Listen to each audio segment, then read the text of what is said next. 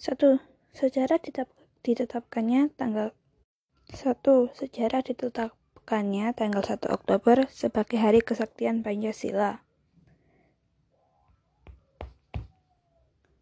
Latar belakang diperingatinya Hari Kesaktian Pancasila tanggal, pada tanggal 1 Oktober diakibatkan oleh sejarah pada tanggal 30 September 1965 di mana adanya gerakan pemberontakan dan upaya kudeta yang dilancarkan oleh PKI guna mengubah ideologi bangsa Indonesia Pancasila menjadi berideologi komunis komunis atau peristiwa G30 SPKI.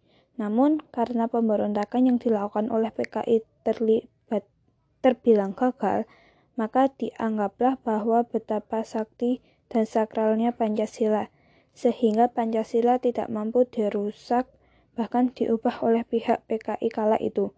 Karena kesaktian Pancasila itulah sehingga diperingati sebagai Hari Kesaktian Pancasila setiap 1 Oktober.